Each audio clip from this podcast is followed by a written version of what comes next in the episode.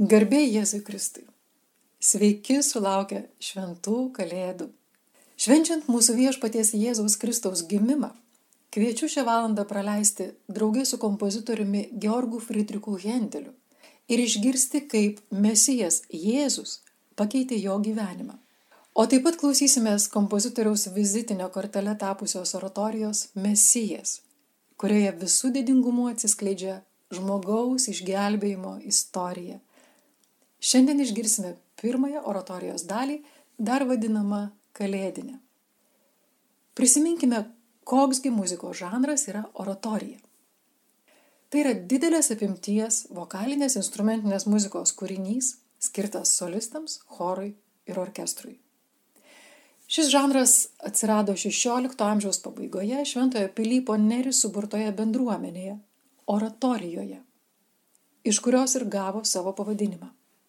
Oratorija turi savo aišku dramatinį siužetą, tačiau jis, skirtingai nuo operos, yra nevaidinamas, bet pasakojamas. XVII-XVIII amžiuose oratorijos buvo kūriamos Senojo testamento tekstais. Juose pasakojama Kristaus kančios istorija ar šventųjų gyvenimas.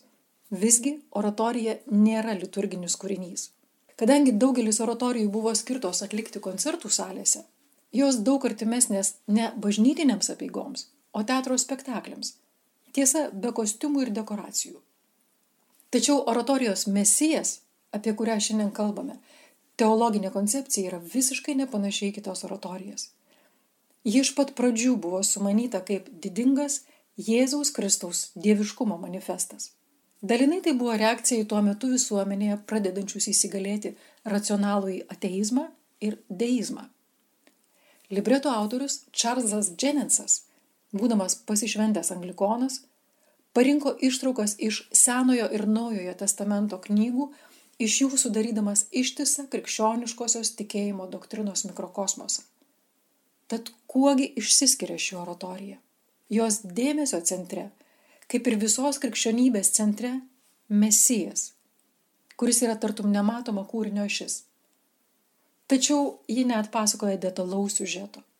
Ji kviečia kontempliuoti visą išganimo istoriją, pradedant Senojo testamento pranašystėmis apie Mesijo gelbėtojo ateimą, daug dėmesio skirdama Velykiniam slėpiniui, Kristaus kančiai mirčiai ant kryžiaus ir šlovingam prisikelimui. Tačiau prisikelimu oratorija nesibaigia. Ji kreipia klausytojo žvilgsnį tolyn, į naują dangų ir naują žemę, aprašytus paskutinėje Naujojo testamento knygoje apriškime Jonui. Pati oratorija originaliai buvo sumanyta kaip kūrinys skirtas atlikti gavėnios laikotarpiu. Tačiau vėliau įtapo mėgimu ir populiariu kalėdiniu kūriniu nors išgelbėjimo istorija pasakojama oratorijoje be abejo tinka visiems metų laikams. Beje, oratorijos struktūra atitinka liturginius metus. Pirmoji dalis, kurią girdėsime šiandien, šviesi, pastoralinė, siejasi su adventu, kalėdomis ir Jėzaus gyvenimu.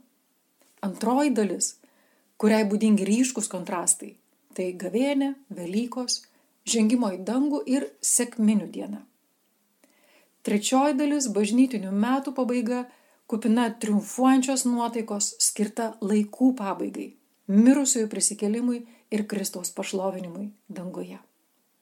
Ir štai jau pirmojoje oratorijos scenoje pateikiama visa išgelbėjimo istorijos ir mesijo ateimo esmė, išdėstyta per tris dalis - tenoro recitatyvą, ariją ir chorą paguodžianti žinia apie žmonijos atpirkimą iš vergystės nuodėmiai.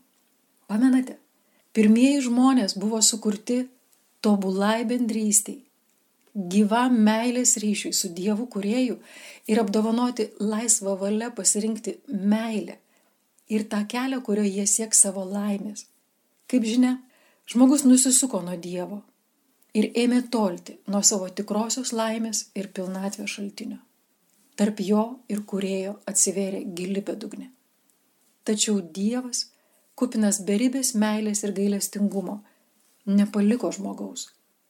Ir per savo pranašus nesikį davė pažadą, kad ši meilės bendrystė bus pergalingai atkurta to, kuris gims iš moters - Mesijo, gelbėtojo. Todėl pranašo Izaijo žodžiais viešpats kalba. Paguoskite manąją tautą, sako jūsų Dievas. Paguoskite ją. Prabilkite į širdį Jeruzaliai ir šaukite jai, kad jos lažas baigėsi, kad jos kaltė išpirkta. Pasigirsta balsas. Per dykumą tieskite viešpačiui kelią. Tyrose ištiesinkite mūsų Dievui vieškelį. Kiekvienas lėnis tegul būna užpiltas, kiekvienas kalnas bei kalva te būna nukasta. O lėta žemė pavirs lygumą, kalvotos apylinkės slėniais. Tada viešpatie šlovė bus apreikšta, visa žmonėje draugė ją išvys, nes pats viešpats tai pažadėjo savo lūpomis.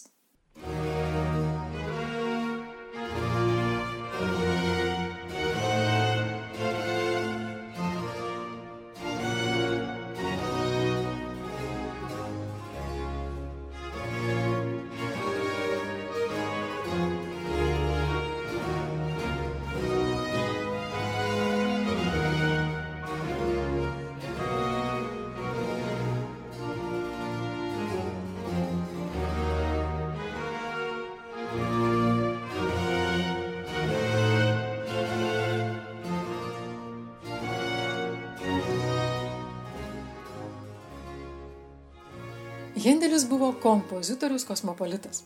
Gimęs Vokietijoje, pradžioje čia mokėsi, sukūrė pirmąją savo operą, vėliau išvyko į Italiją, o ilgiausią savo gyvenimo tarpsnį praleido Anglijoje. Mūsų dienomis tokius žmonės vadiname pasaulio piliečiais. Jei šiandien sutiktume Hendelį, jis nebejotinai išsiskirtų iš minios aukšto ūgio ir stambaus sudėjimo, visuomet dėvintis didžiulį baltą peruką ir kalbantis spalvingų anglų, prancūzų, italų, vokiečių kalbų mišiniu. Turėjo puikų humoro jausmą ir nesunkiai rasdavo kalbą su bet kuriuo pašnekovu.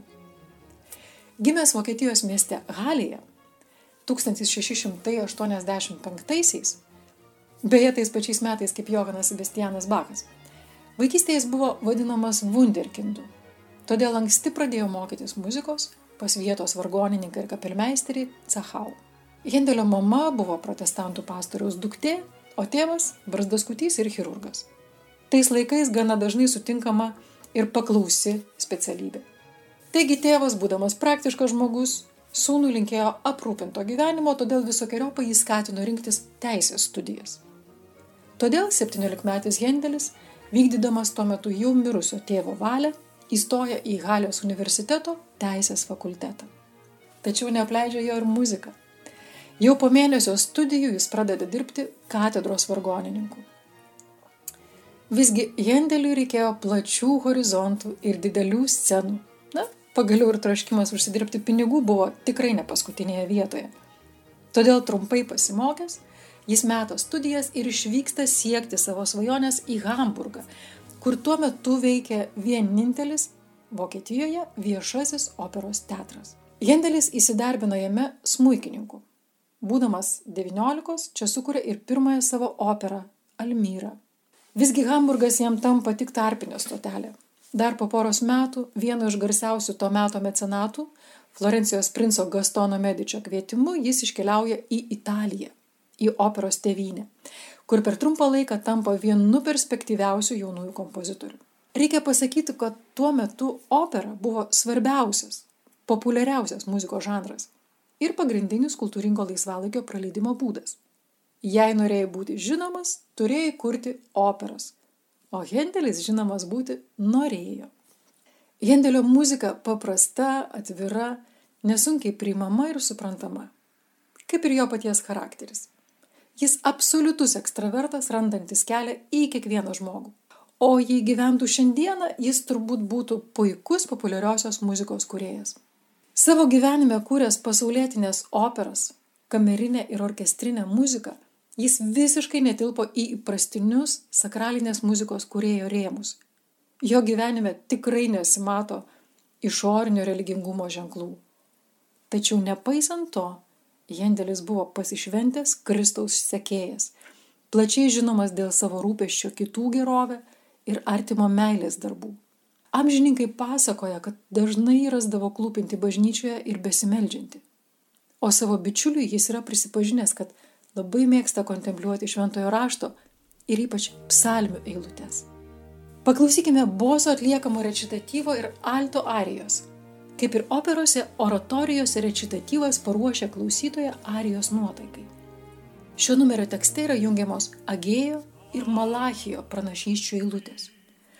Energingas ir valingas boso recitatyvas praneša, taip kalba galybių viešpats. Dar valandėlį laiko ir aš sudrebinsiu dangus ir žemę, jūrą ir sausumą. Sudrebinsiu visas tautas ir visų tautų laukiamasis ateis. Staiga ateis į savo šventyklą viešpats, kurio jūs ieškote. Sandoros pasiuntinys, kurio jūs trokštate, tikrai jau ateina. Melodija nepaprastai iliustratyvi, muzikinis audinys labai vaizdžiai rodo būsimąjį sudrebinimą, piešiamą žemyn besileidžiančiomis koloratūromis bosui atitarė alto ariją, kurdama dialogą. Bet kas gali ištverti jo ateimo dieną ir kas gali išsilaikyti jam pasirodžius, juk jis yra kaip lydytojo ugnis. Tai yra žmogaus reakcija išgirdus žodžius apie staigų viešpaties ateimą ir suvokus, kad kiekvienas yra nusidėjęs, o atlygis už nuodėmę yra mirtis. Ir štai paklausykite, kaip meistriškai ši baiminga reakcija atsispindi muzikoje. Tariant antrąją frazę - lydytojo ugnis, akimirksniu keičiasi tempas, nuotaika ir visa muzika tartum įkaista ir suliepsnoja.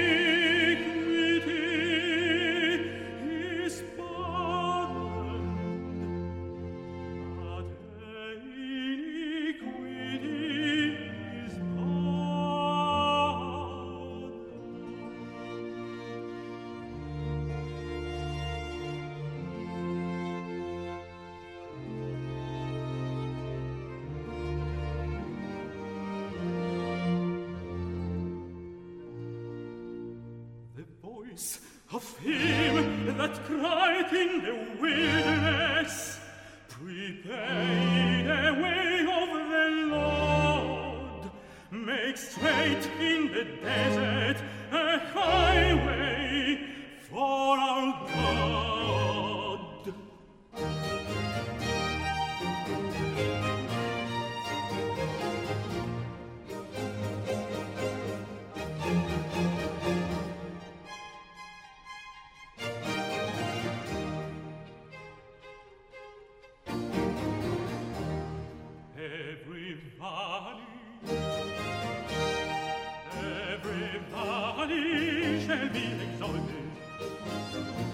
I'll be ignored.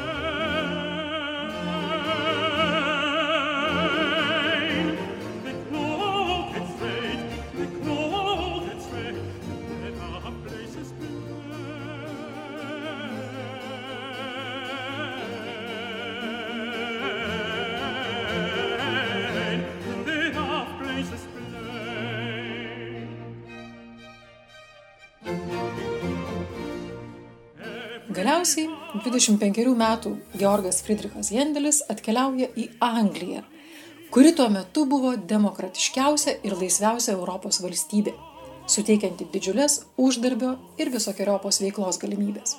18 amžiuje Londone itin populiari tampa italų opera. O kur opera, ten ir Hendelis. Matydami italų operos pasisekimą to meto publikos tarpe, keliasdešimt turtingų džentelmenų nusprendžia įkurti Karališkąją muzikos akademiją ir pakviečia Hendelį jai vadovauti. Jaunasis Hendelis, 25 metai, Energingai imasi naujų muzikos vadovo pareigų, pats keliauja po visą Europą, renka operos trupiai solistus, orkestro artistus, sudarinėja repertuarą, vadovauja ne tik muzikiniams, bet ir vadybiniams procesams, kuria operas, kurios sulaukia didžiulio pripažinimo. Tiesa, tuo pačiu metu Londone veikia dar keli operos teatrai, todėl darbuotis tenka didelės konkurencijos sąlygomis. Londone netgi buvo susikūrusios dvi stovyklos. Vieni rėmė Hendelį, kiti italų kompozitorius. Kūrė jis itin greitai, per daug negalvodamas ir niekada negrįždavo taisyti to, kas parašyta. Muzika iš jo tartum lėjosi gausias rove. Džiaugsmas ir energija. Pagrindiniai Hendelio muzikos skiriamieji ženklai. Tačiau ilgainiui Britų publikai itališkos operos pabosta. Klausytojai vis dažniau ima rinktis komiškus lengvo turinio spektaklius. Todėl po dešimties gyvavimo metų, net laikęs konkurencijos, o taip pat ir dėl finansinių priežasčių, Hendelio vadovavimas operos teatras buvo priverstas užsidaryti. Tačiau net ir stovėdamas ant visiškos nesėkmės lenkščio, kompozitorius pasiduoti neketino. Jis liaujasi kurti operas ir ima vadovauti naujiems italų operos sezonams Londono karališkajame teatre. Vėl važinėja į Italiją, renka trupę, užsima organizaciniu darbu. Deja ir tuomet atsiranda konkuruojanti kompanija - aukštuomenės opera, įkurta Nikolė Porporos, kurioje dainavo legendinis kastratas Farinelli. Šių dviejų operos kompanijų konkurencinė kova buvo tokia dramatiška, kad abi jas atvedė prie bankroto ribos. Tačiau grįžkime prie Mesijo. Prieš tai skambėjusioje arijoje klausėme, kas gali ištverti jo ateimo dieną. Apaštalas Paulius laiškė romiečiams labai aiškiai teigia, kad visi yra nusidėję ir stokoja Dievo garbės. Bet yra geroji naujiena žmonijai, jog pats Dievas kūrėjas, mylėdamas žmogų, tave ir mane, ištiesia savo gelbstinčią ranką ir atsiunčia mesiją, kad dieviškosios meilės gale būtų nugalėta mirtis. Rečitatyvė Irarijoje skamba pranašo Izaijo žodžiai. Štai mergelė nešios iščiose ir pagimdys sūnų. Ir jis vadinsis Emanuelis. O tai reiškia Dievas su mumis. Užlipk ant aukšto kalno, džiugiosios žinios kelbėjau Zionė. Galingai pakelk savo balsą, gerosios naujienos kelbėja Jeruzalė. Skelbk, nebijok, Sakyk judo miestams, štai jūsų Dievas. Kelkis, nušviski, tavoji šviesa atėjo, viešpatie šlovė virš tave sušvito.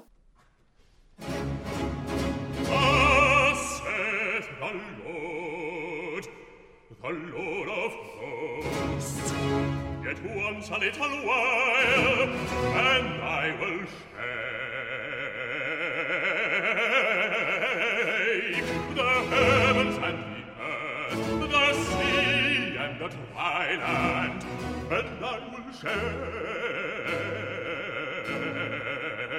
and I will shake all nations. the shake the heavens with the earth and the sea. Your twilight, your nations, and shake and the desire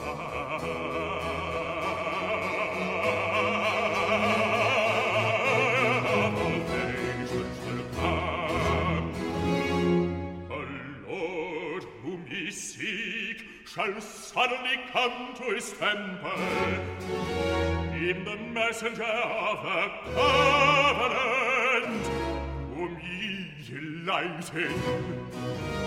Behold, he shall come, saith the Lord of hosts.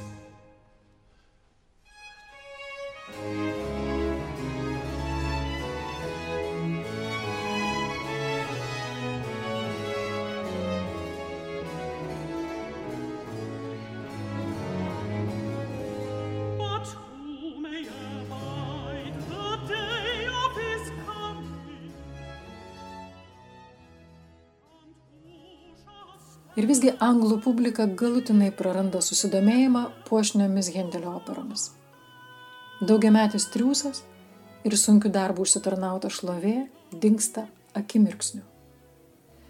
Jis buvo beviltiškai prasiskolinęs, tačiau nepasidavė ir toliau dirbo be atvangos, per 12 mėnesių sukurdamas keturias operas. Visgi milžiniška įtampa ir viena po kitos patirtos nesėkmės kompozitorių išsekina.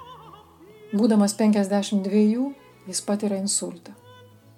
Jo dešinė ranka paralyžiuojama, nusilpsta regėjimas. Ir mūsų dienomis tai būtų sudėtinga diagnozė, o tuomet tai buvo aiškus nuosprendis. Kompozitoriui, grojančiam klavesinu, vargonais ir diriguojančiam, tai reiškia bet kokios karjeros pabaigą. Gydytojas Hendelio sekretoriui pareiškė, mes galime išgelbėti žmogų, tačiau muzikantas prarastas amžiams. Manau, kad ir jos smegenys neatstatomai pažeistos. Hendelis kelis mėnesius kovoja su sunkia depresija. Galiausiai liepia nuvežti jį į gydyklas Achinę ir čia įvyksta stebuklas. Paneigdamas visų daktarų diagnozes, jis pasveiksta per mėnesį. Kurgi slypi šio išgydymo paslaptis? Be abejo, galima manyti, kad čia, kaip ir kitose sudėtingose situacijose, Hendeliui padėjo jo stipri valia ir gebėjimas kryptingai siekti tikslo. Tačiau jo gyvenime ir kūryboje galime rasti ir kitą labai ryškų pėtsaką, liudijantį neregimojo pasveikimo priežastį.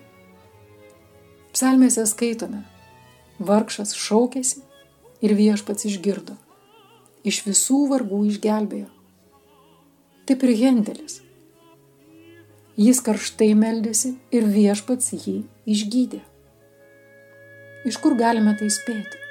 Šis įvykis palieka ryškų pėdsaką jo kūriniuose. Pasveikęs jis beveik nebekuria operų ir visą savo įkvėpimą skiria oratorijoms. Na, iš vienos pusės galima jį suprasti, nes jo operos prarado populiarumą, o oratorijos žanre Hendelis tiesiog neturėjo konkurentų. Visgi, būdam, nors ir būdamas labai uždaras ir neafišuodamas savo vidinio gyvenimo, o ypač savo religingumo, Hendelis palieka mums labai aiškias užuominas. Jis pasineria į šventojo rašto siužetus, savo oratorijose perpasakodamas ko ne visą Senąjį testamentą.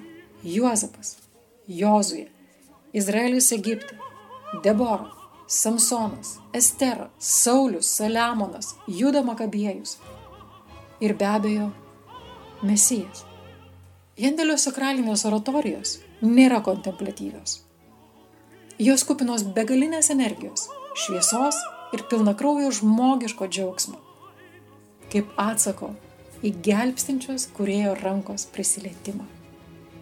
Pranašas Zacharijas ragina. Didžiai džiaugauk, Ziono dukra.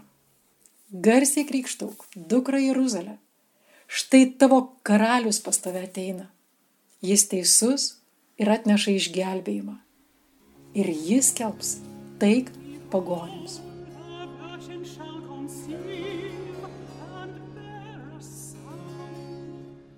shall call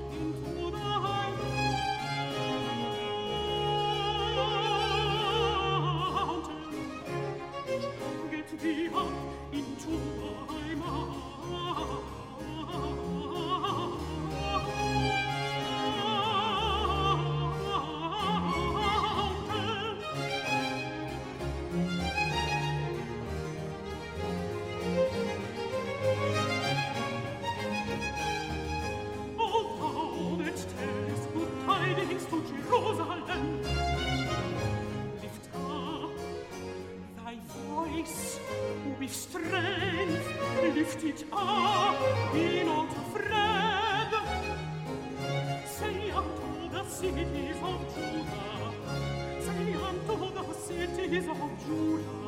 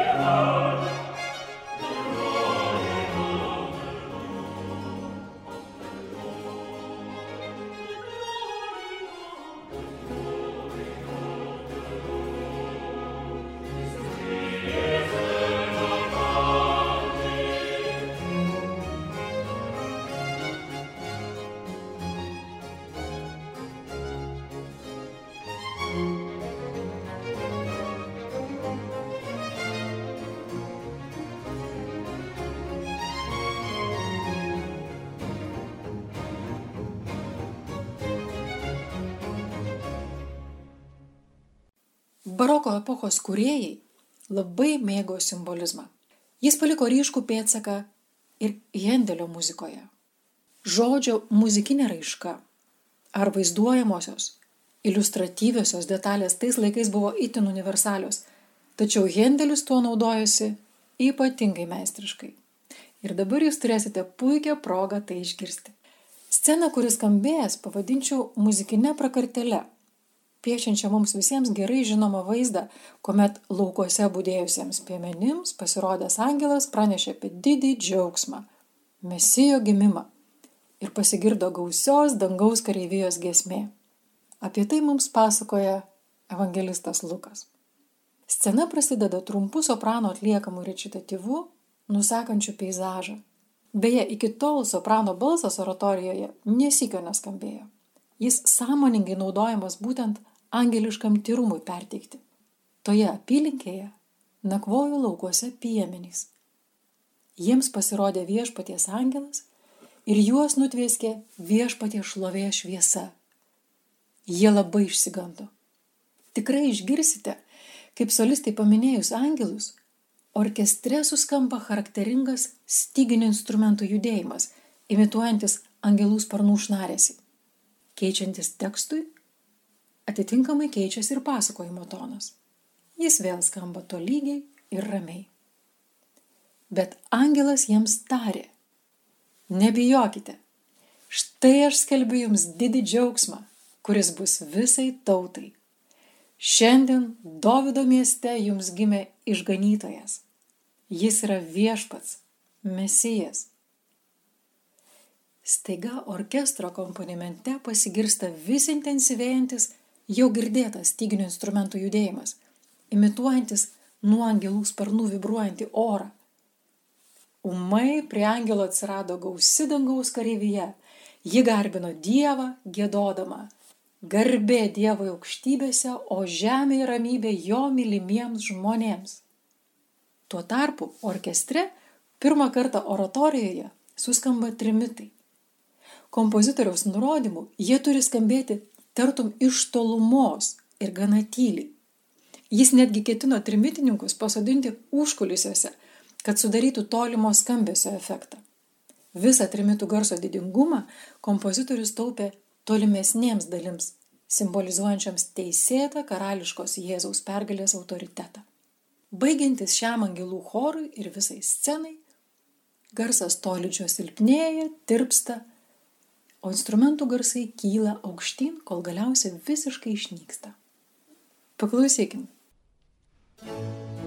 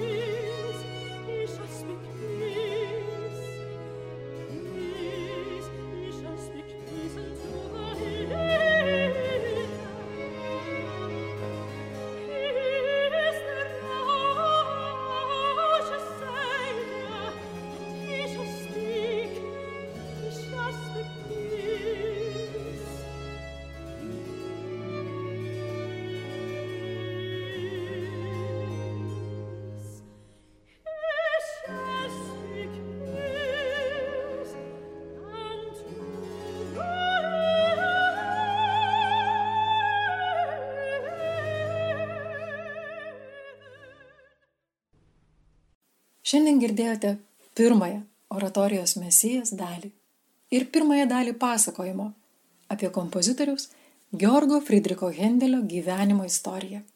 Kaip oratorija mesijas atėjo į Hendelio gyvenimą, pakeisdama jį visiems laikams, išgirsite kitoje laidoje. O šiandien džiugaukime, nes kūdikis mums gimė, sunus mums duotas, jis bus mūsų valdovas. Jo vardas bus nuostabusis patarėjas, galingasis Dievas, amžinasis tėvas, ramybės kunigaikštis. Sudė, likite sveiki. Su jumis buvau aš, Audronė Juozauskaitė. thank you